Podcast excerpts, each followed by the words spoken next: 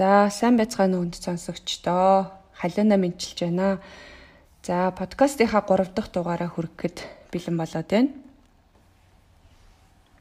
Сайн байцгаана уу? Цэвгэ байна. Энэ өдрийн ментүргий.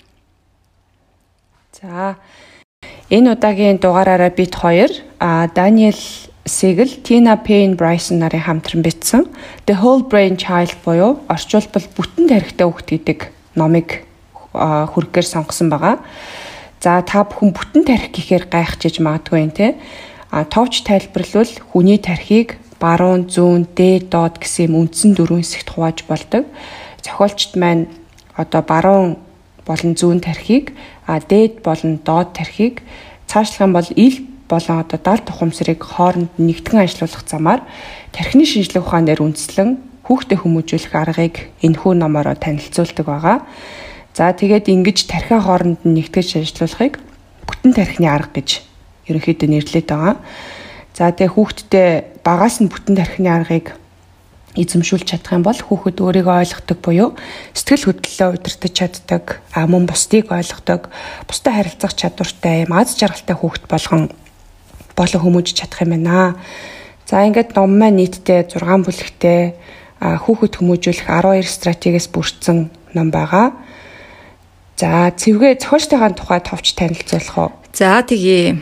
Энэ доктор Даниэл Сигэл бол UCLA гээд Америкийн сургууль байдаг. Тэр сургуулийн сэтгэц гэм судлалын профессор юм байна. Мөн тэгээд ажиглал Mind Sciences Institute-ийн гүйцэтгэх захирал Mind Site гэдэг нь болохоор дотоод ертөнц рүүгээ өнгийн ажиглаад тэгээд а тэнцээ болохгүй байгаа зүйлийг засах, өөрчлөх гэсэн утгатай юм байна. Дотоод сэтгэл зүрхнээсээ хүүхдээ хүмүүжүүлэх нь хүүхдээ сайн хүн болгон хүмүүжүүлэхийн тулд өөрийгөө гүнзгий хэрхэн сайн ойлгох вэ? а тимээ тарих буюу хүүхдээ хэрхэн зоригтой, сониуч, тууштай болгож хүмүүжүүлэх вэ гэд олон ном бичсэн хүн юм байна. Доктор Тина Пейн бол хүүхэд ба өсвөр насныхны сэтгэл судлалын холбооны сэтгэл зүйн сургаан хүмүүжүүлэгч хийдэг. Мөн одоо доктор Даниэлтай хамт Даниэлийн Mind Science Site Institute-ийн эцэг эхийн боловсролын хөгжлийн захирлаар ажилладаг юм байна. За ингээд номныхоо нэгдүгээр бүлэг рүү орцгоё. Ухамсартайгаар хүүхдээ хүмүүжүүлэх гэж байгаа тийм. Энэ бүлэгт бид бүтэн тарих гэж яг юу хэлээд байгаа юм бэ? Яаж тархийг хөгжүүлэх вэ? Тарих ямар үед илүү нээлттэй хүлээн авах чадвартай байдаг талаар ярилцах юм аа. Эцэг эхчүүд бид хүүхдийнхээ биеийн өндөр а жин үснийх нь өнгө гэдэг зэрэг гадаад байдлаас нь бол маш сайн мэддэг гэрнэ? Хүүхэд маань хэн болох юу хийх дуртайг нь одоо яг тодорхойлдог тархиных нь тухай ерөөсөө заримдаа маш бага юм уу? Аль эсвэл ерөөсөө мэдлэггүй байдаг.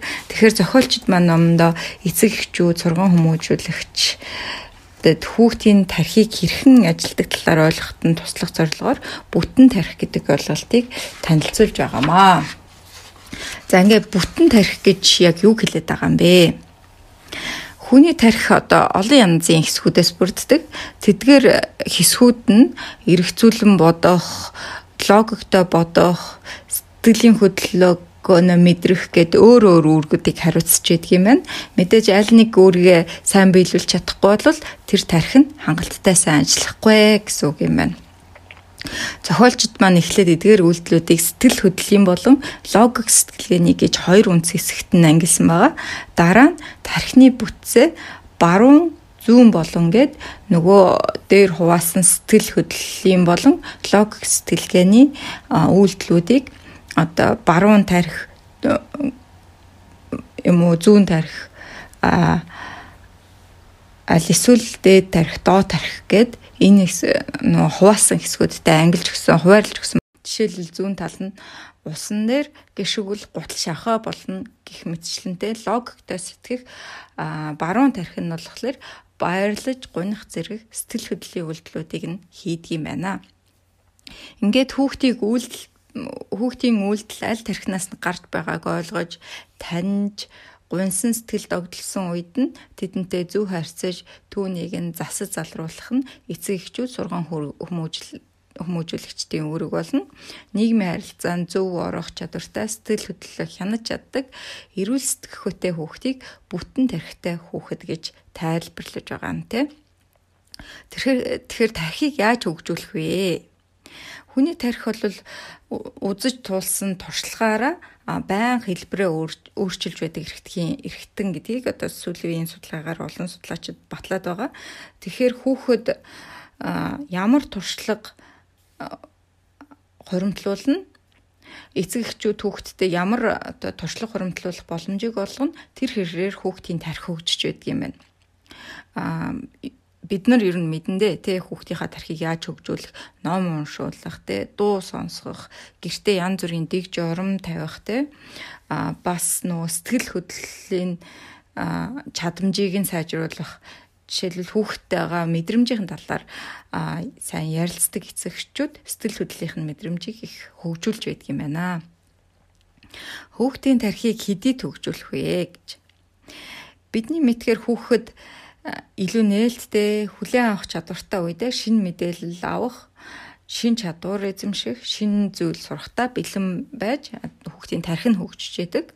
Альва хүн хэвийн үед эргэн тойрноо мэдэрч өөрийгөө ойлгож нөхцөл байдал өөрчлөхөд өөрчлөгдөхөд уян хатан байж тогтворчтой, нээлттэй хүлээн авах чадвартай байдаг. А гítэл нэг талаар нөхцөл байдал эмх замраагүй байвал бүх зүйл хяналтаас гарч санарсан, эргэлцсэн байдал ордог. Нөгөө талаар одоо хит хатуудыг журамтай, уян хатан биш байвал эргэн тойрныхоо бүх юмыг хянаж одоо цагдчих гад а ямар нэг өөрчлөлт хийх хилцээ ихээс эрс татгалздаг.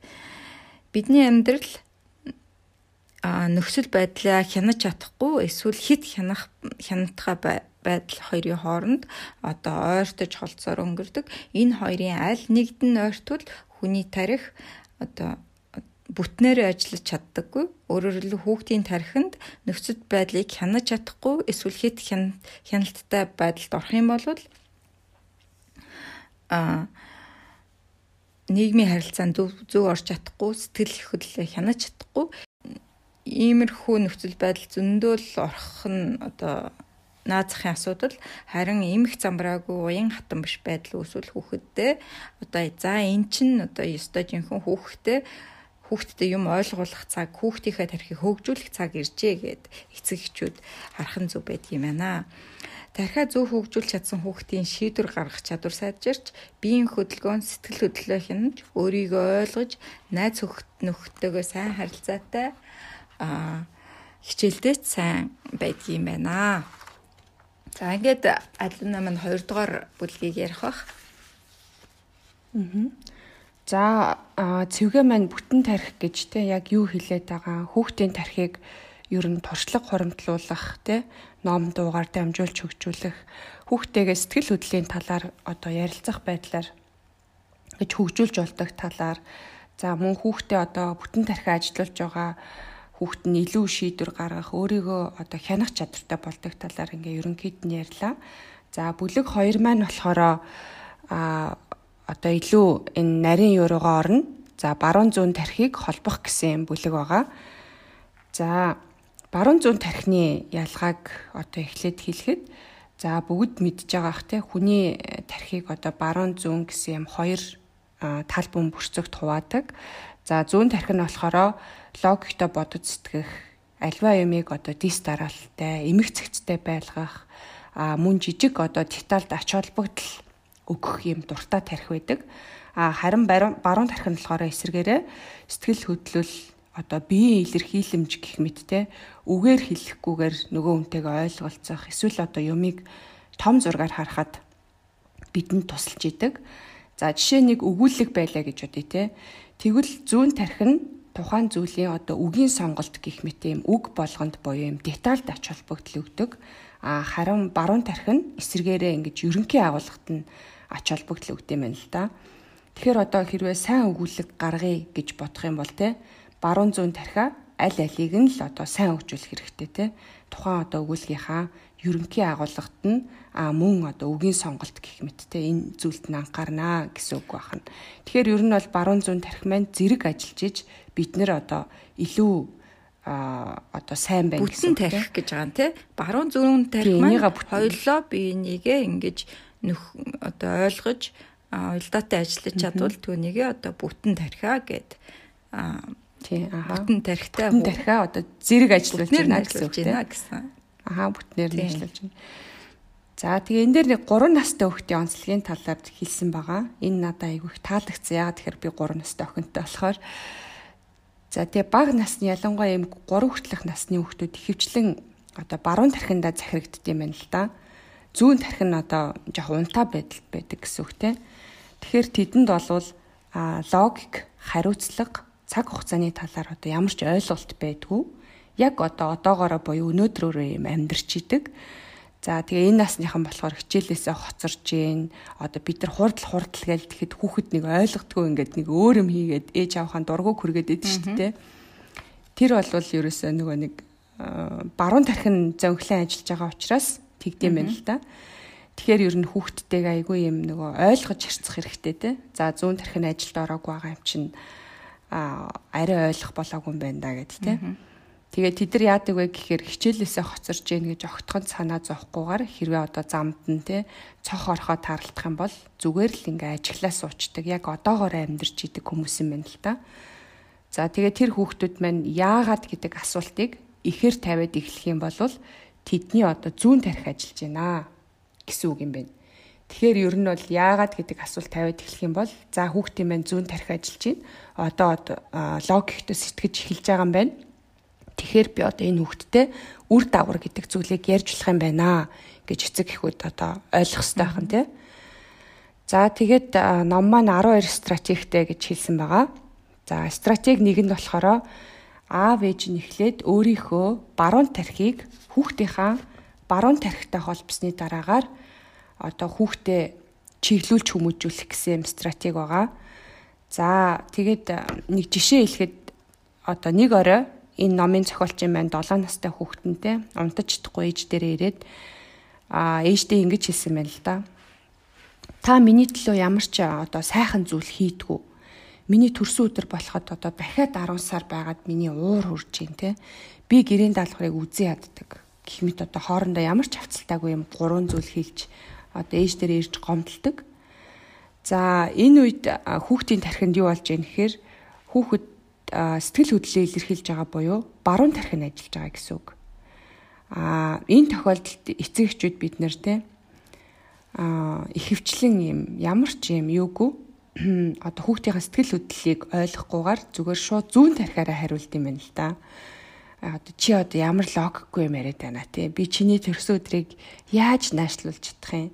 Одоо гэрийн даалгаврыг чи хийх ёстой болохоос хийхээс өөр арга алга гэх мэтлэн те. Ээж аваад зүүн тархиа ашиглан ийм логиктой хариулт өгдөг. За тэгэхээр одоо хүүхэд яагаад ингэж ирж гомдолж байна гэхээр те а ерөнхийдөө хүүхдтэй одоо ойр дээж аав нь анхаарал баг хандуулсан ч юм уу те тэрийгээ ингэж сэтгэл хөдлөлөөрөө ээж аавдаа ирж ингэж одоо гомдолж байгаа л гэсэн үг юм байна л да. За тэгээд энэ үед болохоор хүүхэд ерөөсөө юм логиктой хариултыг сонсохыг хүсдэггүй тий зүгээр л өөрийнх нь сэтгэл хөдлөлийг ойлгох юм хайрлах хүнийг хүсч одоо юм сони юм ярьж ирдэг юм байна. Аа за тэгээд энэ үед нь ээж аауд нь одоо ингэж зүүн тархи ашиглаж логиктой хариулт өгхийн оронд хүүхдээ аль болох ойлгоод те хүүхдээ ингээд тэрврээд эсвэл өөрлөгөө одоо ингэж ойртуулж суулгаад те нурууг нь илээд намуухан дуугаар хүүхдтэй одоо их ойлгосон байдлаар харьцах хэвээр. Жишээ нь одоо заримдаа юм хэцүү байдаг те миний хөө ээж нь одоо юу гэж чамааг мартах вэ те би одоо ажиллаа хийж байхдаа чиний тухай байнга боддог гэх мэтчлэн зүгээр л юм хүүхдэд тайвшруулж хайрлах хэрэгтэй байд юм байна. За мөн одоо хэлэх үг олдохгүй л те юу ч хэлэхгүй байсан болно зөвхөн одоо нурууг нийлээд те нүрний хувирал им зөөлөн дуу гаргах гэх мэтчлэн хүүхдтэйгээ ингэж одоо шүүмжлэхгүйгээр хүүхдэд хүлээн зөвшөөрөх буюу юм сонсох гэсэн юм техникүүдийг хэрэгжүүлэх хэрэгтэй юм байна. За тэгээ энэ байдлаар харьцсан бол хүүхэд чинь аяндаа ингээд 5 минутын дараа тайвширдаг. За тэгээ хүүхд чинь тайвшраад орондоо орсны дараа эсвэл одоо өглөө босоод ирэхээр нь те юм хүлээн авах чадвартай болсныхан дараа а жинхэнэ одоо зүүн тархи ашиглаад одоо учир шалтгаан үр дагаврыг нь ойлгуулах замаар хүүхдтэй ингэж одоо чиглүүлж харьцах хэрэгтэй байт юм байна. За тэгээд энэ байдлаар хүүхдийнхаа баруун тархийг одоо өөрийнхөө баруун тархитай холбочих юм бол дараа нь бол зүүн тархи бол хоорондоо холбогдохдоо маш амархан байд юм байна. За стратеги 2 нь болохоор болсон үйл явдлыг одоо дахин давтан ярих замаар хүүхдийнхээ дотоодд сүрсэн юм сөрөг мэдрэмжийг багасгах гэсэн стратеги байгаа. За жишээ нь ингээд хүүхэд дугуйнаас унах те эсвэл сайн найзтайгаа муудалцах ч юм уу а одоо янз бүрийн юм тохиолдолд хүүхэд сөрөг юм мэдрэмж буюу айц давтдаг те. За энэ айц гэдэг чинь мэдээж одоо сэтгэл одоо мэдрэмжийн нэг хэсэг буюу энэ баруун тархин ажиллаж байгаа гэсэн үг юм байна л да. Тэгэхээр энэ үед эцэг эхчүүд бид ихэвчлэн одоо хүүхдийнхээ айсан зүйлийг нь хурдан мартуулахын тулд аль болох тэр сэдвийг ингээд сөхөхгүйгээр хүүхдээсээ ингээ холоор өнгөрөхийг боддог те. А гэтэл энэ эсэргээрээ буруу юм байна л да. За тэр сэдвийг ингээд хичнээн сөхөхгүй байсан ч гэсэн тэр одоо айц буюу сөрөг мэдрэмжэл хүүхдийн тархинд ингээд хадгалагдаад үлдчихсэн байдаг. Жишээ нь одоо ингээд дугуйтаа онхолцсон хүүхдээ лээ гэж үтэй те. Тэгэхээр дараа нь тэр хүүхэд дугуй харахаараа тэр мэдрэмж нь буцаал ингээд сэтэрдэг. Тэгээд ингээд цаашид дугуй унахаасаа юм айдаг ч юм уу тийм айцтай хүүхдээ одоо болж өсөх магадaltaй. Тийм болохоор энэ сүрэг мэдрэмжийг бид нэр ингээд нуун дарагдуулах биш харин эсэргээрээ одоо ил гаргаж хүүхдтэйгээ энэ мэдрэмжийг одоо хуваалцах хэрэгтэй. За тэгээд яаж хуваалцах вэ? Хамгийн зөв буюу үр дүнтэй арга нь юу юм бэ гэхээр хүүхдэрээ одоо энэ болсон үйл явдлыг давтан яриулах буюу ингэж хүүхдтэй дэмжиж яриулах хэрэгтэй байт юм байна. За тэгэхээр тэгхийн бол хүүхд маань одоо ингээ олон давтан ярьснараа тухайн үйл явдлыг дис дараалд оруулах буюу одоо ингээд логиктойгоор бодож эхэлдэг. Энэ тохиолдолд одоо баруун тархинд байсан тэр айц нь а одоо зүүн тархи руу шилжиж байгаа буюу одоо зүүн тархи нь ажиллаж эхэлт юм байна л да. Тэгээд ингээд зүүн тархи нь ажиллаж эхэлснээрээ за дараа унахтаа би нэрээ тэгэж болохгүй юм бэлээ те. Одоо суудал дээрээ тэгж суух хэрэгтэй юм бэлээ ч гэдэг юм ингээд логиктой бодож сэтгэж эхэлдэг. Тэгэхээр ингээд юу нь бол явандаа ингээд айцаа одоо ялан дийлж чаддаг хүүхэд а болд юм байна. За тэгээд одоо хүүхдээ те яаж яриулах вэ гэдэг талаар энэ дэр жишээ өгсөн байгаа. Энэ дэр болохоор хүүхэд ингээд за өвдөөд биш унаад те өвдгөө шалбалчлаа гэж үү. За энэ үед болохоор цэвгээ чи яг яадаг вэ? Хүүхэд чи ингээ өвдгөө шалбалчаад уйлаад одоо чам дээр ирлээ гэж бодъё те. Тэгэхээр чи яг ямар хариу? За ямар ч байсан бид нар ерөнхий ерөнхий монголчууд гэдэг шүү дээ те. За өөрөө унсан хөхөд уйлдгүй маа гэж тэгдэг шүү дээ те. Аа. Тийм би болохоор за за одоо бити үйл те зүгээр ийм болж лийдیں۔ Дараа нь болгоомжтой хараа гэж мэгэл хүүхдтэй амир ингээд бодоод тахаар яг зүүн тархиа ашиглаж хариулт өгдөг байгаа байхгүй юу? За тэгээд тхийн оронд хүүхдтэйгээ одоо яаж харьцдаг вэ гэхээр те очоод дэрэгдэн суугаад те одоо унсан өвдгийн нилээд ч юм уу те эсвэл нуруугийн нилээд нүлэмсийг харчаад за ингээд зөөлхөн дуугаар те өвдөж байгаа ахтаа миний хөө хөөрхөн амтан гэд эхлээд мэдрэмжийг нь хуваалцсан. Тэр өвдөж байгаа мэдрэмжийг. За тэгэнгүүтээ ингээд хэсэг хугацааны дараа те би одоо ингээ яаж чамаа гүйж байгаа гэж харсан тэгээ чи ингээд нэг уруу гүйжсэн ч гэдэм үү те тэгэхээр чи хурдаа тохируулах хэрэгтэй юм байлээ ч гэдэм эсвэл чи ингээд яг ингээ гүйжсэн чинь урт чин чулуу байсан чи чулуун тэгэлдээд ингээ унаад өвдгөө шалбалчлаа те гэл те Тэгээд яг дараа нь юу болсон бэ гэд ингээд нөгөө дистаралд оруулж хүүхдээсээ болсон үйл явдлыг ингээ асуух нь шүү дээ. Тэгэхээр хүүхд нь та ирсэн гээл те. Тэгэхээр ээж нь аа тийм тэгээ би чамайг твэрсэн те. Одоо яаж ийн гэх мэтчлээ ингээд болсон үйл явдлыг дис дараалд оруулаад хүүхдээ ингэж дэмжиж яриулна гэсэн үг юм байна л да. Тэгэхээр энэ үед болохоор одоо хүүхдийн тий баруун тархитай ингээ баруун тархиа холбоод энэ юуг нь хуваалцчлаа мэдрэмжийн тий тэгээд зараа нь ингээд хүүхдийнхаа одоо зүүн тархийг а ээж нь дэмжиж одоо ажилуулна гэсэн үг байна шүү дээ. Үйл үйл явцыг ингээд дис дараалд оруулаад за тэгэхээр энэ дээр бол хүүхдээ ингээд баруун тархиа зүүн тархитайгаа нэгтгэх аргыг зааж өгж байгаа гэсэн үг юм байна л та. За тэгээд энэ боломж олгоныг ашиглаад ер нь хүүхдтэй ингэж одоо баруун зүүн тархиа одоо юу гэдгийг холбож нэгтгэж ажлыг ажиллахыг ингээд зааж өгөх хэрэгтэй байна. За тэгээ бас ингээд юм бичгээр хүмүүс тайвширдаг гэж ярьдаг те. Тэгээ энэний цаад утга нь болохоор ер нь бол баруун тархиныхаа сэтгэл хөдлөлийг одоо бид нэр зүүн тархиныхаа тусламжтайгаар эмэг цэгцэнд оруулж байгаа гэсэн үг юм байна л да. Тэгэхээр ер нь бол хүүхэд чинь бичих чадвартай одоо том хүүхэд байх юм бол хүүхэдтэй өдөр бүр өдрийн тэмдэглэл эсвэл ингээд мэдрэмжээ бичих ийм дадлыг суулгах ёстой гэж байгаа. Тэгээ энэ бол ер нь бас томчууд бид нар ч ихсэн айгүй хэрэгтэй одоо ийм зөвлөмж байна гэж бодож байна.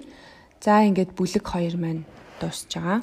За 3 дугаар бүлэг маань оюун санааны шатыг барих гэж байгаа тийм. Бид тархийг альч талаас нь харж болно. А 2 дугаар бүлэгт баруун зүүн тархинд төлөрч ирсэн бол энэ бүлэг тархийг доороос нь дээш нь харж дээд тархийг яаж хөгжүүлэх вэ? Хүүхэдтэй нь уурлаж бухимдсан сэтгэл дундуур байгаа үед хэрэглэж болох стратегийг одоо танилцуулах юм аа. За номд болохоор хүзүүнээс нүд хүртэл хэсгийг доод тарих гэж нэрлэж байгаа тийм. Доод тарих нь амьсгалах, анивчих гэсэн хүний үндсэн үйлдэлүүдийг одоо толгой толгойн хийдэг үндсэн үйлдэлүүдийг хийдэг. А уурлах, айх зэрэг хүчтэй мэдрэмжүүдийг гаргадаг байна. Харин дээд тарих болох одоо бидний яг уурэг тарих бол а бидэнд юмсыг илүү тодорхой харах боломжийг олгодог. Өөрөөр хэлбэл дээд тарих бодох, төсөөлөх, төлөвлөх замаар шийдвэр гаргах, сэтгэл хөдлөл болон үйлдэлийг хянах, өөрийгөө болон бусдыг ойлгоход тусалдаг юм байна. Хүүхдийн тархийг дээрээс нь доош нь хөгжүүлж чадвал дээд тархи нь доод тархиныхаа гаргаж байгаа нөгөө нэг замраагүй мэдрэмж ийг илүү зөөлрүүлж учрыг нь болох тусалдаг. А ингэж чадвал дээд тархийг доод тархитай хослуулан хөгжүүлж чадвал одоо тархиа бүтнээр нь ажиллуулж байна гэж ойлгох юм байна. Гэвч дээд тархийг шууд одоо хослуулан ашиглах тийм ашиглаж болдгоо хоёр шалтгаан байдаг байна. А эхнийх нь болохоор доод доод тарих хүүхэд ингээд хөрөхөд л аль хэдийн хөгжцсөн тий ам нь аль үшээ ингээд хоолоо иддэг хамар нь аль үшээ юмаа үнэрлцдэг тий байтал харин хүний тарих уурах тарих маань ерөөсөө 25 нас хүртэл бага багаар ингээд чимэг чимхээр хөгжөөд явдаг байна.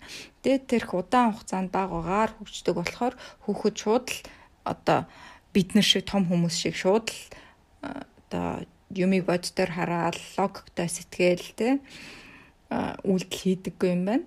Тэгэхээр хүүхдийн тархийг хөгжүүлж зөв бодож шийдвэр гаргаж сурахад нь цаг хугацаа, дадлаг, туршлага хэрэгтэй байдаг юм байна.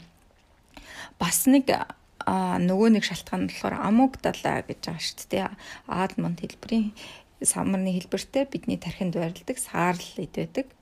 Амуг далаа үндсэнгийн үндсэн үүрэг нь бол биднийг буюу хүмүүс өөрийгөө хамгаалах байдаг. Тухайн эзнийг хамгаалах байдаг. Тухайлбал би дайс үедээ амаг далаа үед амаг далаа өөргөө биелүүлэх хурдхан шиг ингээд ямар нэгэн сэтгэл хөдлөл гаргацдаг. Тэгэхээр дэд тарих ерөөсө логиктойгоор бодож чаддаггүй. А зарим хүмүүс өөрийгөө анзааруул айхаараа өөрийн мэдлгүй уурладаг штэ тий орчин үед бол тий энэ мэтчлэн хүмүүс айсан үедээ бодхоос өмнө үйлдэл хийдэг юм байна. Жишээлбэл хүн ойд явж агаад за ямар нэгэн амтан айдастай амтан ирүүс ч юм уу тэ мугаа ч юм уу таарлтууд айхтаа өөрийн ирэхгүй ингээ модонд авирчдаг ч юм уу альсвал шууд буцаа цухтаага гүйдэг ч юм уу тэ ямар нэгэн үйлдэлийг өөрийн ирэхгүй хийдэг тэ энэ бол дээд тарих ажиллаж амжихаас өмнө амаг далаа ажиллаж өөрийгөө хамгаалж байгаа хэлбэр юм байна. Мэдээж аюултай үед одоо бодохгүйгээр үйлдэл хийх нь сайн боловч орчин үед ийм тайван цаг үед үйлдэлээ бодож байж хийх нь зүйтэй байдаг юм байна. За хүүхэд дээд доод тарихтай энэ хоёрыг хослуулан хөгжүүлэхэд цаг хугацаа дадлаг туршлага их шаардлагатай байдаг юм байна. Юунаас эхлэж яаж хөгжүүлэх вэ?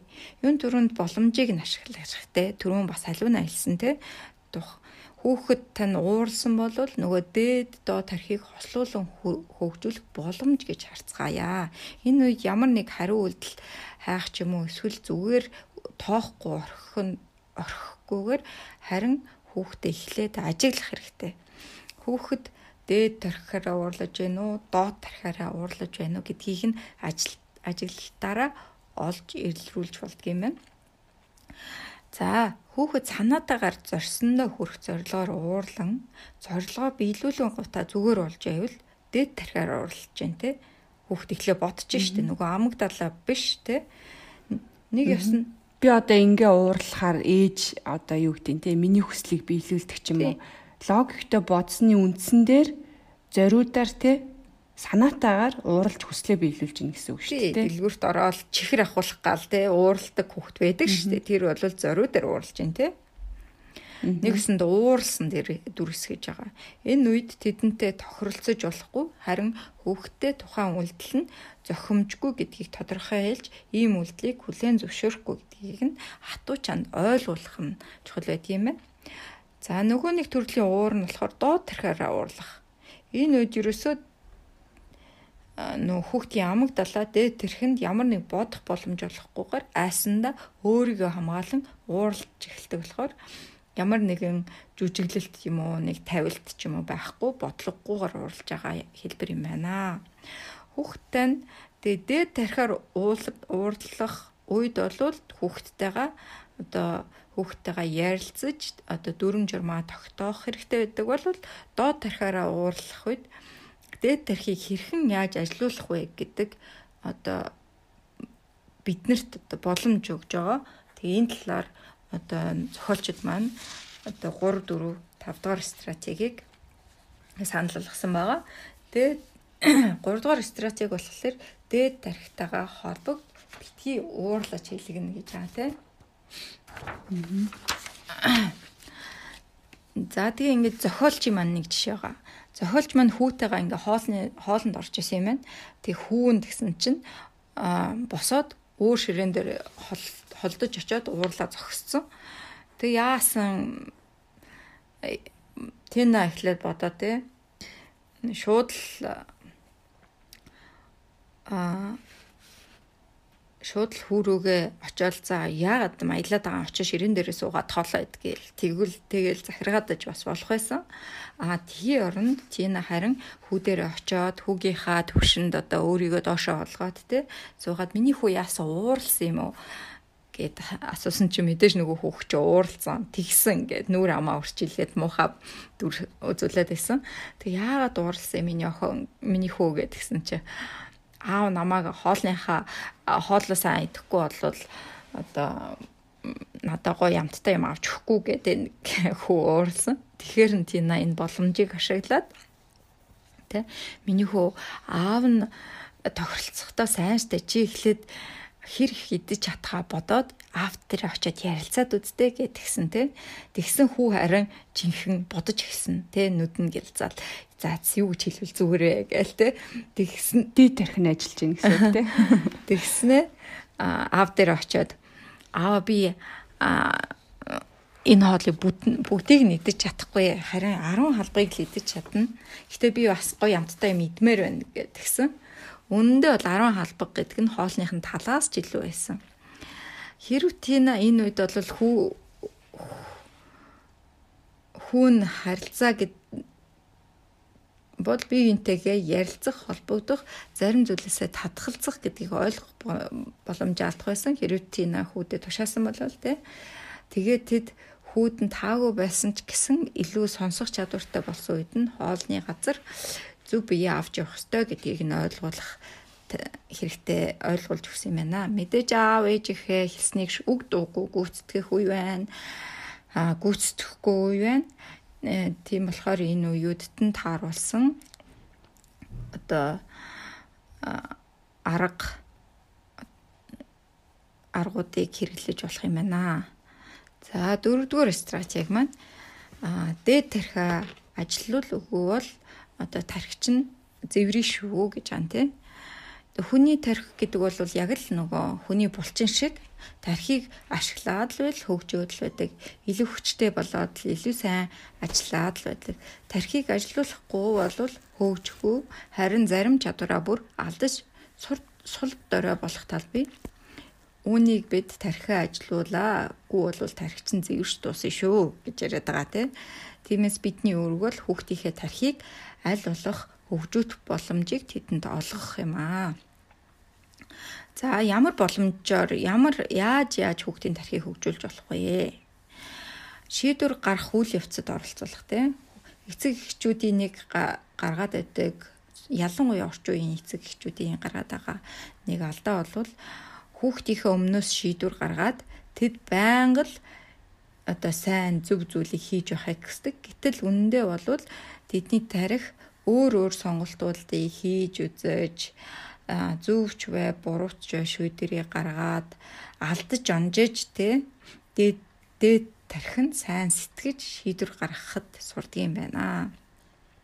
Жишээ нь рүү шийдвэр гаргуулвал хүүхэд нэг тааламжтай биш мөртлөө өөрөө шийдвэр гаргасан учраас тайван байдгийм байна. За бас нэг одоо арга нь бол өөрийгөө ойлгох хүүхдээсээ одоо шалалт өгж гин гэж бодъё л да хүүхд чинь шалалт өгсөн. Тэгээд хүүхдээсээ янз бүрийн асуултыг асуух хэрэгтэй тий. Чи энэ шийдвэрийг яагаад гаргасан юм? Юунаас бол чи ингэж мэдэрсэн юм? А эсвэл чи энэ шалгалтанд шалгалтаа сайн хийгээгүй гэж бодож байна уу? Шалгалт стечийн үеэр чамд ямар нэг юм чи яарсан юм уу? Аль эсвэл материал нь хүнд байсан юм уу? Аль эсвэл шуугантай байсан юм уу гэд тэ жинхэнэ нөхцөл байдал цаадах мөн чанарыг нь одоо өөрөө ойлгох тийм асуултуудыг тавьж тавих хэрэгтэй. Аа энэ дэр нэг жишээ байгаа л да энэ номноос аав нөхнөө сургуулийн зуны төслөнд явуулахаар болчиход байгаа. Тэгээ охиноо хувцаа бэлтэж яхад нь чи гэрээ санаа гэрээ сана гэж бодож байна уу гэд тэгсэн чи охин болвол те цусланд явна гэ баярлаад хөөрцөн. Тэр талаар ямар ч бодохгүй байгаа юу ч бодохгүй байгаа. Тэгээ магадгүй гэж хэлжээ те шал тоохгүй байсан тэгэхээр чи хэрвээ гэрээ санавал яах вэ гэд охиноосаа дахиад асуусан чинь мэдхгүй гэсэн мөртлөө жоохон бодож эхэлсэн Тэр үед наав нь харин хэрвээ чи гэрээ санвал юу хийвэл илүү дээр байх бол гэд улам цаашлуулад асуухт нь охин охин нь би тань руу захаа бичих бичих байх. Тэгээ найзуудтайгаа хөвчлөлтөө юм хийн гэд хариулт өгч хэлсэн. Тэгээ энэ боломжийг нь ашиглаад тэр хоёр цааш үргэлжлүүлэн гэрээсээ хол байхдаа юу хийж болох, юу хийж болохгүй талаар ярилцаж охин өөрийнхөө тухай ойлголтыг нэмэгдүүлсэн. За энэ тохиолдолд бас ёс суртахуун гэд нэг чухал зүйл байгаа. Хүүхэд өөрийгөө хянаж, өөрийгөө болон бусдыг ойлгож, шийдвэр гаргаж чадвал зөвхөн зөв буруу гэлтгүй өөрийн эрх ашигаас илүүтэйгээр ёс суртахуунтай байдлыг хөгжүүлдэг байна. Энэ чадварыг хөгжүүлэхийн тулд мөн л сургууль дарчин хин нэг хүүхдүүд дээрлэхэж ивэл яах вэ ч юм уу те а чи юу хийх вэ гэд те ёс суртахууныг нь хөгжүүлэх талын асуултуудыг тавина. Эцэг эхчүүд бол энэ ч дандаа одоо лех зүншрах маягаар биш ерөөхдөө асуулт тавих маягаар хүүхдтэйгээ харьцуул хүүхдийн тархийг илүү сайн хөгжүүлдэг юм байна гэж би ойлгоод байгаа. Мөн тэ эцэг эхчүүд өөрөө үнэнч зөөлөн сайхан сэтгэлтэй бусдыг хүндэтгдэг тэг ёс суртахуунтай байдаг тийм үлгэр дуурайлал хүүхдүүдтэй үзүүлж явах нь хэрэгтэй байдаг юм байна.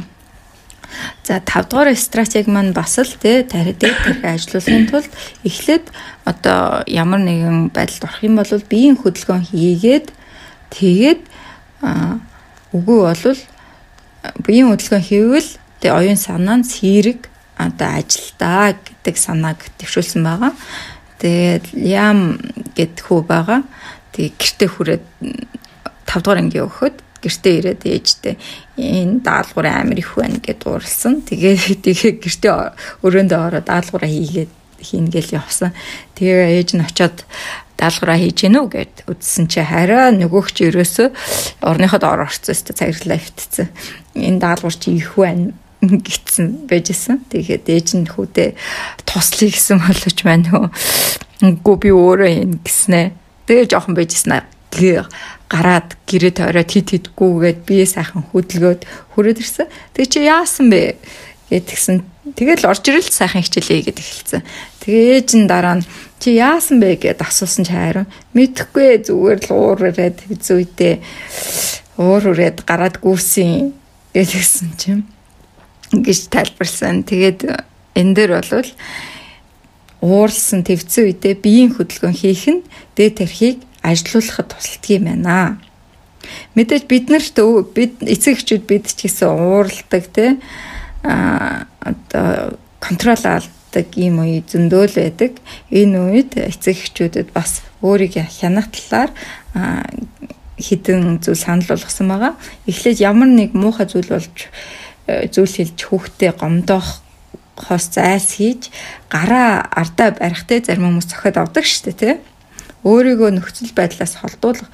Тэгээд одоо өөр өрөөнд ордог ч юм уу тий өөр юм боддог ч юм уу тий тэгээд хүүхдтэй одоо өөрийг нь гомдооморгүй байна гэдгийгээ тайлбарлаж тэгээд тайвширхаараа хүүхдтэйгээ ярилцаж ойлгуулнаа хэдийгээр тэнэг санагдаж магадгүй ч гэсэн яг уурлах юм бол өөрийгөө одоо энэ 5 дугаар стратеги буюу ухаанаа альтахаас өмнө өөрийгөө ингэж тайвшруулж хөдөлгөөн хийх тэ? Биеийн хөдөлгөөн гараа сайн ингэж шатгадаг ч юм уу?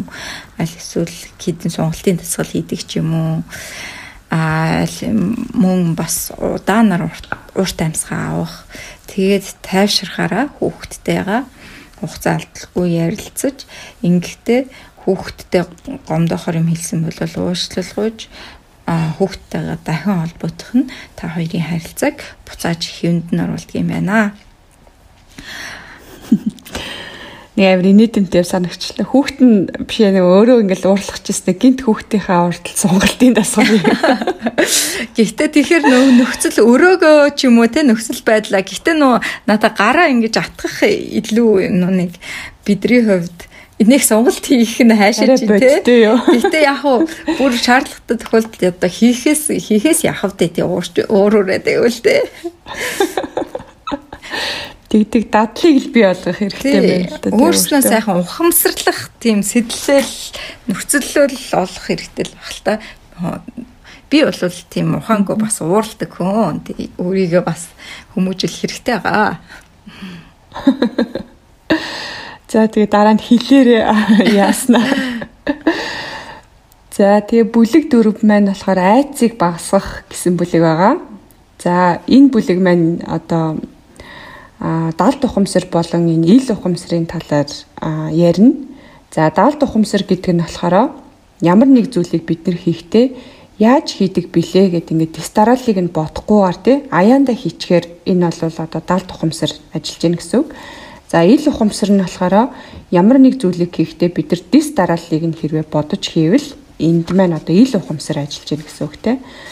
За жишээ нь бид одоо хүүхдээ унахт нь хэрвээ ингээд нөгөө аргаддаг тий а очоод нөгөө хүүхдийнхаа мэдрэмжийг хуваалцаал ингээл байн гаргадаал тэгдэг болвол бид нэр хүүхдийнхаа даал тухамсарт эерэг зүйл одоо хийж ийн гэсэн үг. А эсэргээрээ бид нар тоохгүй а тэгээд энэ маань нэг удаа биш маш олон удаа ингээд давтагдах юм бол энэ одоо даал тухамсарт нь сөрөг зүйл одоо хадгалж ийн гэсэн үг. За тэгээд одоо тарих болохоор бидний санаанд жоромгүй юм өөртөө анзаараагүй үйлдэлүүдийг далд тухамсартаа хадгалсан байт юм байна л да. Тэгээд дараа нь одоо ямарваа нэгэн сөрөг зүйл тохиолдсон үед те тэрхүү дурсамжин сэргээд хүүхдийг улам их юм сэтгэл санаагаар унгадсан байна. Тэгэхээр томчууд бид нар ч гэсэн одоо тэрхүү а одоо сөрөг далд ухамсарыг одоо ил ухамсартай нэгтгэж хүүхдээ ингэж тархийг нь одоо бүтнээр нь ажиллуулж чадах юм бол илүү юм аз жаргалтай хүүхэд өсгөж чадах юм байна гэсэн ийм утгатай бүлэг байгаа. За тэгээд стратеги 6 маань далд ухамсарыг ил ухамсартай нэгтгэх гэсэн а одоо стратеги байгаа. За одоо жишээ жишээд урд энэ дээр Элигээд хүү Афтагаа жил болгон хайрцгаар одоо хин сайн уралдааны машин хийх вэ гэдэг нэг юм тэмцээнд ордог байсан юм л да. Гэтэ тэр энэ жил болохоор тэмцээнд орох маш дургүй байсан. За тэгэд яагаад гээд бодоод үтсэн чинь аав ээжтэй хэлэхгүйгээр юм цаасны хутга гэрээсээ авч гараад те мод зорж одоо найзтайгаа тоглож байгаад найзынхаа хөлийг ингээд санамсаргүй тэр хутгаараа зүсцэн явдал тохиолдсон юм байна. Тэгээд тэр хүүхдийн даалт хумсарт нь одоо юу гэдэг мэдрэмж болж хадгалагдсан бэ гэхээр ерөөсө цаасны хутга тэгээд цаасны хутга гэхээр юм цус гэсэн юм нөгөө найзынхаа хөлнөөс нь цус гарсан те тэгэхээр цус гэсэн юм сөрөг мэдрэмж хадгалагдсан байсан. За тэгээд аав нь тэрийгтэй ойлгоод энхүү одоо айцыг нь яаж багасгах юм бэ гэж бодоод за тэгээд Эли хүүтэй хоёлаа одоо яг те DVD-гээр кино үзэж байгаа юм шиг тэр болсон явдлыг чи эргэж санах уу гэд ингээд хүүхдтэйгээ тэр болсон явдлыг одоо яг кино шиг те юм дистаралд оруулаад яриулдаг байгаа. За тэгээд хүүхд нь одоо санахын тулд тэ аавтайгаа хид хид удаа ингээд давтан ярилцаад за тийм ингээд хамгийн эцэст нь хүүхд нь хичнээн энэ тухайн өдөр муухай юм те найзгаа хүлээг ингээ санамсргүй зүсцэн ингээ зөндөө цус гарсан ч гэдэм юм эмнэлэг явсан ч гэдэм үү ийм сөрөг ийм айцуд байсан ч гэсэн хамгийн сүүлд нь тэр өдөр бол найзтайгаа ингээд видео тоглоом тоглохоор найзхаа гэрлүү явсан юм байна л да тэр оройн тэгэхээр ингээд хичнээн ийм одоо сөрөг мэдрэмж үлдсэн ч гэсэн ийм гоё одоо ад жаргалтай төгсгөл байсан гэдгийг ингээд аав нь сануулж чаддаг байгаа за тэр мэдчлэнгээр одоо бид нар хүүхдтэйгээ ингээд ярилцах те а одоо тухайн үйл явдлыг дистаралд оруулах оруулж чадах юм бол а бид нэр одоо дал тухамсрын одоо ил ухамсар болгож тэр хүүхдээ айцыг даван тулахт нь одоо тусалж чаддгийн чаддгийн байна.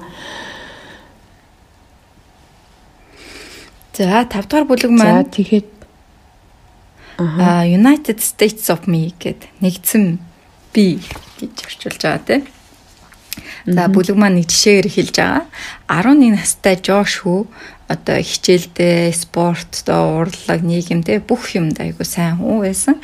Гэтэл хүү өөрийнхөө өөрийгөө байнга л одоо шүүмжилж дутуу унаж алдаа гарахдаа өөрийгөө маш ихээр буруутгадаг. Тэгээд Тина хүүтэй ярилцаад үдсэн тэгсэн чинь хүүгийн ээж аав нь багт нь салсан байсан. Тэгээ энэ салалтад хүү өөрийгөө одоо маш их буруутгаж явдаг. Тийм байсан. Тэгээд хүү шиг энэ хүү шиг тэ тэгээд энэ хүү болохоор одоо хүү надаас л болоод л ээж аав хоёр минь салцсан гэдэг бодолт бодолд гацчихсан гэсэн үг тийм хүн энэ мэтэр хүмүүстэй ямар нэгэн бодолтой ч юм уу эсвэл мэдрэмжэд юм уу мөрөөдөл юм уу ямар нэгэн зүйлд ингээ гацчих тохиолдол байдаг та тий. Аа энэ үед бидэн бидний эргэн тал тойрон болж байгаа үйл явдал бидний дотор болж байгаа зүйлийг ойлгох дотоод ухамсар маань тусалдаг. Тухайн мөчийг сэтгэгдэлтэй гацах ялангуяа сөрөг сэтгэлдээ гацснаас аливаа зүйлийг үргэлжлүүлэн хийх орлогоо зогсоох, зайлс хийх тохиолдол байдаг учраас айждсан мэдрэмж сэтгэлдлүүдийг хадгалах биш харин анхаарлаа төлрүүлэх аргыг зааж сургаж болдго юм байна. За 9 дугаар стратеги. Хүн өөрийн дотроо юу болоод байгаагаа сайн анхаарах байгаадаа анхаарал хандуулах хэрэгтэй байдаг юм. Тэгээд аа юу юунд юу юунд анхаарч болох вэ гэхээр хүний өөрийнх нь мэдрэмж те биеийн одоо мэдрэмж. А одоо дүрслэл сэтгэл хөдлөл тэгээ бодол те. Эцэг эхчүүд ийн хийх хамгийн чухал зүйлс нь бол хүүхэд өөрөө өөрийнхөө дотор болж байгаа эдгээр энэ дөрвөн зүйлийг маш сайн ойлгоход туслах хэрэгтэй байдаг. Хүүхэд Жишээлбэл хүүхэд биеийнхээ мэдрэхүйд анхаарал тавьснаар сэтгэл хөдлөлийн улмаас биед нь ямар зүйл мэдрэгдэж байгааг ойлгоно. Зарим хүмүүс ингээл айдас тавтаал одоо айгаад ирэхээрээ гидсэн тавг өрхтөг те. А эсвэл уур нь хөрвөл ямар нэг зүйл зохимоор санагддаг ч юм уу сэтгэл дундуур байхдаа одоо хүн мөрөө ингээд амар унжуулдаг ч юм уу царай толгоо гуйлж илгадаг ч юм уу тийм байдаг шүү дээ тий энэ үед тайвширахын тулд мөрөө амраагаа дуртаар амьсгаа авч болдог талаар хүүхэдтэй тайлбарлаж өгнө. Аа зарим нэг дүрслэлүүд те дурсамж хэлбэрээр ой санаанд чинь үлдсэн байдаг. Аа хүүхдүүдийн өмнө ичсэн ч юм уу те ангитай ганцаараа ямар нэгэн алдаа гаргаснаар самбар дээр гаргаал загнуулсан ч юм уу те энэ бодолтой ингээ гацчаа тэрнээсээ гарч чаддггүй а тэр үнийг байнга ингээ сэтгэлдээ төсөөлөд байдаг дүрслэлийг ингээд хараад идэг те а ийм зүйлийг хийхээр хүүхэд өөрийнхөө хүчийг ихээр сааруулж байдгийг тэдэнд ойлгуулах хэрэгтэй. Бас өөрт нь ямар нэг мэдрэмж төрж байгаа түүнийг баяртай, гунигтай гих мэтчлэн тодорхойл зурхан зүйтэй. Эхлээл хүүхэд чинь одоо за ямар хуу байсан энэ ямар хуу таалагдсан уу таалагдав. Оо аа зүгээр л сайхан муухай гэх ерөнхий хариулцдаг. Түүнийг нь эхлээд ерөнхийд нь хариулж байснаа дараа нь илүү тодорхойгоор сэтгэлээр унсан, айсан, атаархсан, гайхширсан гэх мэт одоо маш олон төрлийн солонгийн 7 өнгнөөс ч олон төрлийн одоо мэдрүүн мэдрэмж байдгийг хүүхдтэй ойлгуулах нь зүйтэй байдаг юм байна. Бас бодол байдаг те а бид өөрийнхөө амьдрал тохиолдсон зүйлээ үгээр тайлбарлаж тайлбарлах үйлдэлийг одоо бодол гэж хэлээд байгаа. Хүүхдийн толгой дотор янз бүрийн бодол эргэлдэж болно. Гэхдээ тэр болгон үнэн байх албагүй зарим бодлыг бодож болохгүй гэдгийг нь ойлгуулах нь зүйтэй. Хүүхдийн биеийн мэдрэхүй, дөрслөл, дурсамжуудыг ойлгох, өөрийнхөө мэдрэмжийг тодорхойлох, тодорхойлох, бодлоо дүгнэж цэгнэж сурахт нь мөн л асуух замаар тусалж болно. Ялангуяа өөрийнхөө мэдрэмжийг бас зураглалуудыг одоо хүүхдтэйгээ хуваалцах энэ хүүхдэд илүү мэдээлэл өгдөг. Одоо жишээлбэл би өсөд байна. Чи яаж байна? Өвөө эмээ маргааш ирнэ гэхээр би бүр баярлаад байна гэж баярлж байгаагаа хэлэх ч юм уу. Аль эсвэл сэтгэл одоо жоохон дундуураагаа бол тэгээд сэтгэл дундуур байна гэдгийгээ илэрхийлж өөрөө бас мэдрэмжээ хуваалцж яхах нь чухал гэдэг юм байна. За тэгээ 10 дугаар стратеги анхаарлаа төвлөрүүлэх. Энэ бол нөгөө бясалгах те а тийм бас нэг арга хэлбэр байгаа. Одоо нэг жишээ байгаа л да тий. Охин нь ингээд а тоглолтод орохын өмнө ингээд сандраад байгааг ээж нь ажигласан байгаа. Тэгээд охиныгоо дагуулж ирээд орон дээр хэвтүүлж хагаад чи ингээд дэшээ хардаа ингээд эхлээ чи тол тааз ингээд тойруулаад харна. Тэгээд эхлээд баруун тийшээ харуул баруун талд чи юу байна? Ширээний гэрэл харагдаж гэнэ үү? Зүүн талд чи юу байна? Зүүн талд чи номын тавар байна уу гэд харуулад тэгээ буцаад энэ ширээ одоо цонхны лээ чийдэн гэрлийн чийдэг харж гинөө гэд. Тэгээд ингээд тойруулж харуулж харуулж агаад одоо жинхэнэ анхаарал руу н орох хэрэгтэй тийм за чи одоо ингэ нүдэн анда ижинхүү нүд ээж охин нүдэн анхаар чи ямар нэгэн чимээ сонсож гинөө тэнцээ одоо ус гоож гин чи анхаарлаа төвлөрүүлж байгаа учраас энэ байны өрөөнд ус гоож байгааг сонсож байгаа. Чи зориудаар анхаарлаа төвлөрүүлэн бодохоор сонсогдож байгаа. Одоо амьсгал руугаа анхаарлаа төвлөрүүлээ. Амьсгалаа аваад гаргаад энэ үед янз бүрийн бодол орж ирж магадгүй тоглолтын тухай ч юм уу, өөр санаа нь зовж байгаа ч юм уу, өөр шийдвэрлэх ёстой ч юм уу, аль эсвэл болсон үйл явдал ч юм уу.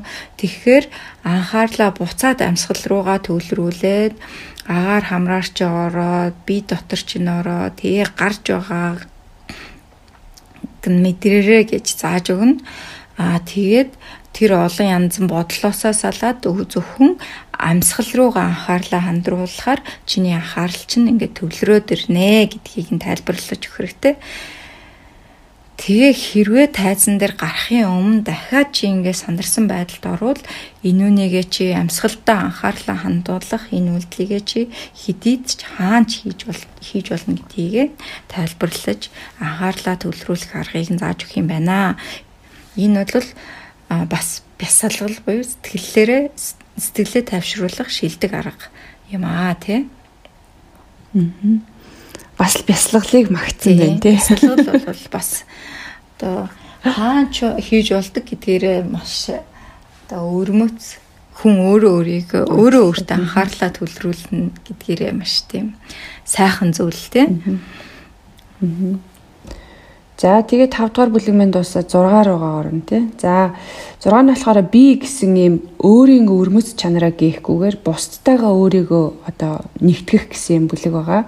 За дээрх бүлгүүдэд болохоор хүүхэд өөрийнхөө ч юм уу эсвэл хүүхэд нь одоо аав ээжтэйгээ те тархиа нэгтгээд тэгээ ингээ бүтэн тархиа ажилуулах гэсэн талаар ярьсан болвол энэ бүлэг бол илүү юм нийгэмтэй хэрхэн одоо өөрийгөө нэгтгэж амьдрах вэ гэсэн юм бүлэг байгаа. За бид нар болохоор хүүхдтэй одоо бустай нийцтэй байхыг те бусдыг ойлгож хайрлаж чаддаг байхыг а гэхдээ бас нөгөө талдаа өөрийн гэсэн юм өвөрмөц чанараа хадгалж чаддаг юм одоо юм тэнцвэртэй хүүхэд өсөхийг бид нар хүсдэг те. За тэгээ хүн бусдын төлөө одоо сайн сайхан ийм зүйл хийх юм бол илүү аз жаргалтай амьдардаг гэсэн юм сүүлийн үеийн судалгаанууд бас маш их байд юм байна л да. Тэгэхээр ер нь хүүхдээ би гэхээсээ илүү ийм бид гэсэн сэтгэлгээтэй хүүхэд бас ийм хүмүүжүүлэх хэрэгтэй байх нэ. За тэгээд бидний тарих болохоор а бусдыг илүү юм дөөрэ хандлагатай байд юм байна л да. Жишээ нь одоо нэг хүн өвшөөж илээ гэхэд бид нэр дагаад өвшөөчдөгтэй санамсаргүй. За тэгээ жишээ нь гэх юм бол бас ингээ үдшилтээр ингээ баахан инээлтж байгаа хүмүүс зогсож илаа гэхэд бид нар дэрэгдэн очихдоо өөрийн мэдлгүй юм инээмс инээмсгэлч гэсэн юм очтгийм байна л да. Та бүхэн ч гэсэн нэг анзаараад үзэхгүй те. Тэгээ эсэргээрээ бид нар гэртээ хэрвээ ингээ ууртай, стресстэй те. Тийм байх юм бол хүүхдүүд чинь ч гэсэн дагаад өөрийн мэдлгүй бас ийм байдалд орчдгоо гэсэн үг байна. Тэгэхээр хүүхдтэй ер нь бусдтай нийцтэй байлгад сургая те бусдтай ингээд одоо гой харьцдаг болгоё гэх юм бол та өөрөө гэртээ эсвэл одоо хүүхдтэйгээ харьцаж байхдаа role model нь буюу одоо ингэж үлгэр дуурал үзүүлж харьцаж явах хэрэгтэй гэсэн одоо санаа энэ бүлэгт явж байгаа. За тэгээд хэрвээ та одоо эсэргээрээ хүүхдээ ингээ хайрлалгүй те хүүхдээ ингээл гэртэн байхад нь хүүтэй харьцдаг эсвэл одоо хит шүүмжилж харьцдаг эсвэл хүүхд чи одоо сургууль дээр очиод хит өрсөлдөөнтэй а одоо юм орчинд байдаг те хэрвээ тийм байх юм бол хүүхд чинь мэдээж бусдтай харилцаж сурахгүй хараа эсэргээрээ гэртээ юм гоё дулаахан те а таны одоо мэдрэмжийг, хайрыг, хамгаалтыг хэрвээ мэдэрч өсөх юм бол ирээдүйд хүүхэд чинь одоо өөрийн мэдлэг өөрийн ирэхгүй юм сайн хань те сайн аав ээж болж чаднаа гэсэн үг юм байна. За тэгээд мөн одоо ингэж хүүхдтэйгээ гоё харьцахаас гадна хүүхдтэй бусдтай холбогдох боломжийг нь бас илүү олгох хэрэгтэй гэдэм байх. Хүн төрхтөө ингээ булчинтай төрдөг боловч тэрийг хөгжүүлэхгүй болвол бид нэр одоо хөнгөн атлетикийн тамирчин болж чаддгүйтэй адил хүүхэд төрөлхийн одоо ингээд за тархитай төрдөг ч гэсэн тэрийг хөгжүүлэхгүй а байх юм бол хүүхэд бусдтай юм харилцах чадвартай ингээл шууд тийм мундаг болчихгүй те тэгэхээр бид нэр хөгжүүлэх хэрэгтэй байд юм байна Тэгээ хүүхдтэй ер нь бол бид нар бусдаа хуваалцах, тэ найзаагаа уучлах, зарим тохиолдолд бууж өгөх, эсвэл одоо найзаагаа сонсох ийм чадваруудыг нь багаас нь сулгаж өгөх хэрэгтэй.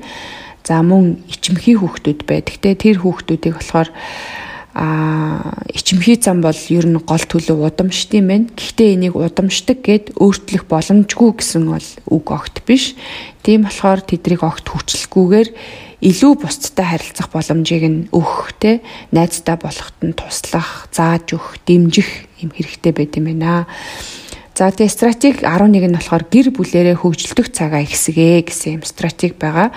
За орчин үед бид нэр хүүхдээ нэг дугуулангаас нөгөө дугуулан лөө зөөгөөл эсвэл гэрт нь одоо хиттэй дэг журамтай байлгаал ингээл маш завгүй байлгаад байдаг. А гэтэл эсэргээрээ хүүхдтэйгээ бид нар хамт аль болох хөгжилтөн тоглох хэрэгтэй.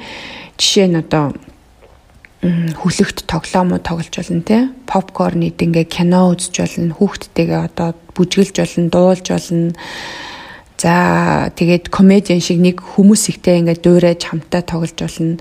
За тэгээд энд бас нэг судалгаа байгаа. Энэ юу гэхээр багада хүүхдүүд нь одоо хоорондоо их тоглож үсэх юм бол хүүхдүүд нь том болоод тэр харилцаагаа хадгалж үлддэг гэсэн бас юм судалгаа байд юм байна. Тэгэхээр хүүхдүүдтэй хамттан те ах дүү, эгч дүү нарын хамтд нь бас одоо ийм активитинууд хийлгэх хэрэгтэй. Жишээ нь жишээ өгсөн байгаа юм л да. Энэ дээр видео камер өгөөдтэй хамтд нь кино хийлэг, эсвэл өвөө эмээгээ баярлуулах зүйл хамтд нь хийлэг, эсвэл гэр бүлэрээ гараад дугуй унж болно. За эсвэл нэг баг болоод ээжийнхээ эсрэг усан буугаар байлдаж болно гэх мэт одоо ингээ гэр бүлэрээ а цагийг их өнгөрөө гэсэн стратеги байгаа. За стратеги 12 нь болохоор а одоо зөрчилтөө ингээд нөө ах дүү нар хоорондоо маргалддаг яадаг штэ те ингээд нөө хэрэлддэг штэ тэр болгоныг нь бид нар одоо та нар бойл гэл ингээд хоёр тусны өрөөнд оруулаад тэгээд ахын хооронд энийг боломж гэж хараад одоо хүүхдтэй ийм харилцах чадварыг нь одоо суулгах хэрэгтэй байна л да. Жишээ нь одоо бусдын нүдээр а одоо юмыг харах ч гэдэг юм уу те. Тэгээ энэ дээр гоё жишээ өгсөн байгаа. Жишээ нь одоо ингээ та ажиллаа хийгээ суужсэн чинь их чинь хурж ирээд те. Намайг одоо дүү тэнэг гэж дуудсан гэж за гомдлоод ирээ гэж үтэй те. Энэ тохиолдолд бид нэр болохоор за та хоёр ингээ уучраа олоо гэл ингээл явуулцдаг штэ те. Тэгхгүйгээр ингээ хүүхд рүүгээ одоо ингээ компьютераасаа нүдээ салгаад хүүхд рүүгээ хараад те. За чамааг одоо ингээд яг юу болсон те. Тэгээ яагаад чамааг яг тэнэг гэж дуудсан гэж бодож гин гэх мэтчлээ ингээд хүүхдээс ухаж асууна А тэгэнгүүт хүүхэд нь ингээд бодож эхлэх нь шүү дээ. За би тэрний зурсан одоо дүүгийнхаа те зурсан зургийн шаалцсан юм аа.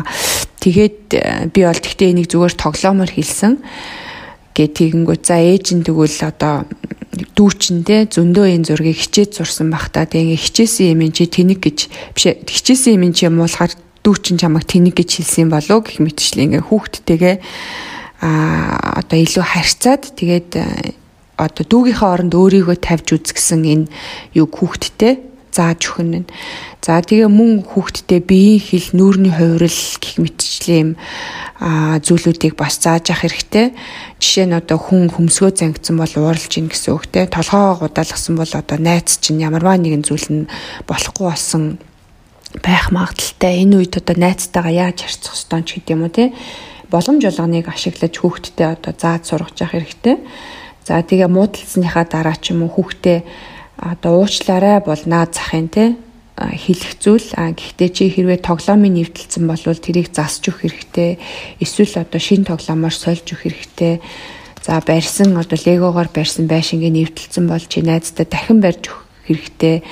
А уучлал гуйсан те хэлж чадахгүй бол уучлал гуйсан загтал бичиж өгөх хэрэгтэй гэх мэтчлэн маргалцсныхан дараа одоо хүүхдтэй бас зааж өгөх хэрэгтэй байх нэ. За тэгээд ерөнхийдөө ингээд 12 стратеги буюу ингээд ном маань дуусж байгаа.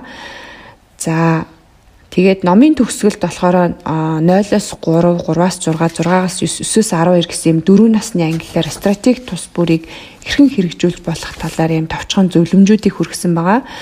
За тэгээд подкастынхаа цагаас болоод энийг мэдээж ярьж амжсангүй.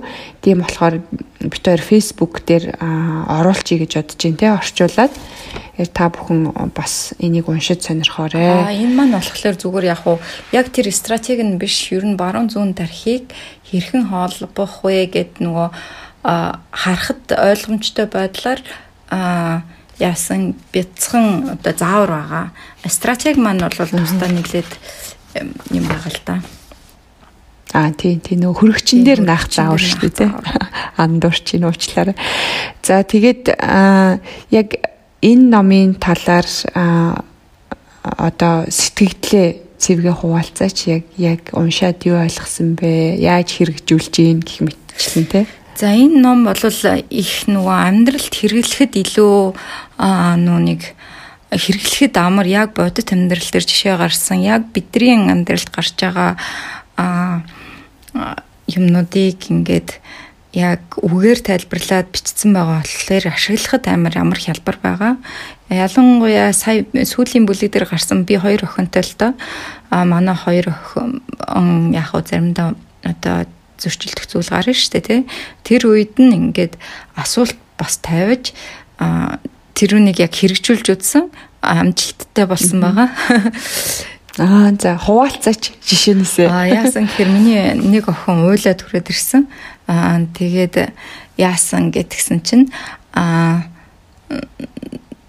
манай охин нөгөө нэг ингээд нэг наадаг юм хийж байгаа байхгүй том охин аа жижиг юм одоо пластикнуудыг наагаад нэг дүрс сэлбэртэй болгож тэрүүнийг ингээд хийгээ булаацалтаад байсан юм байна л да. Аа нөгөө дүүн тэгээд нөгөө их чинь болохоор муухай чин ч юм уу те аа тэгээ уурлаад хийлэхгүй байсан.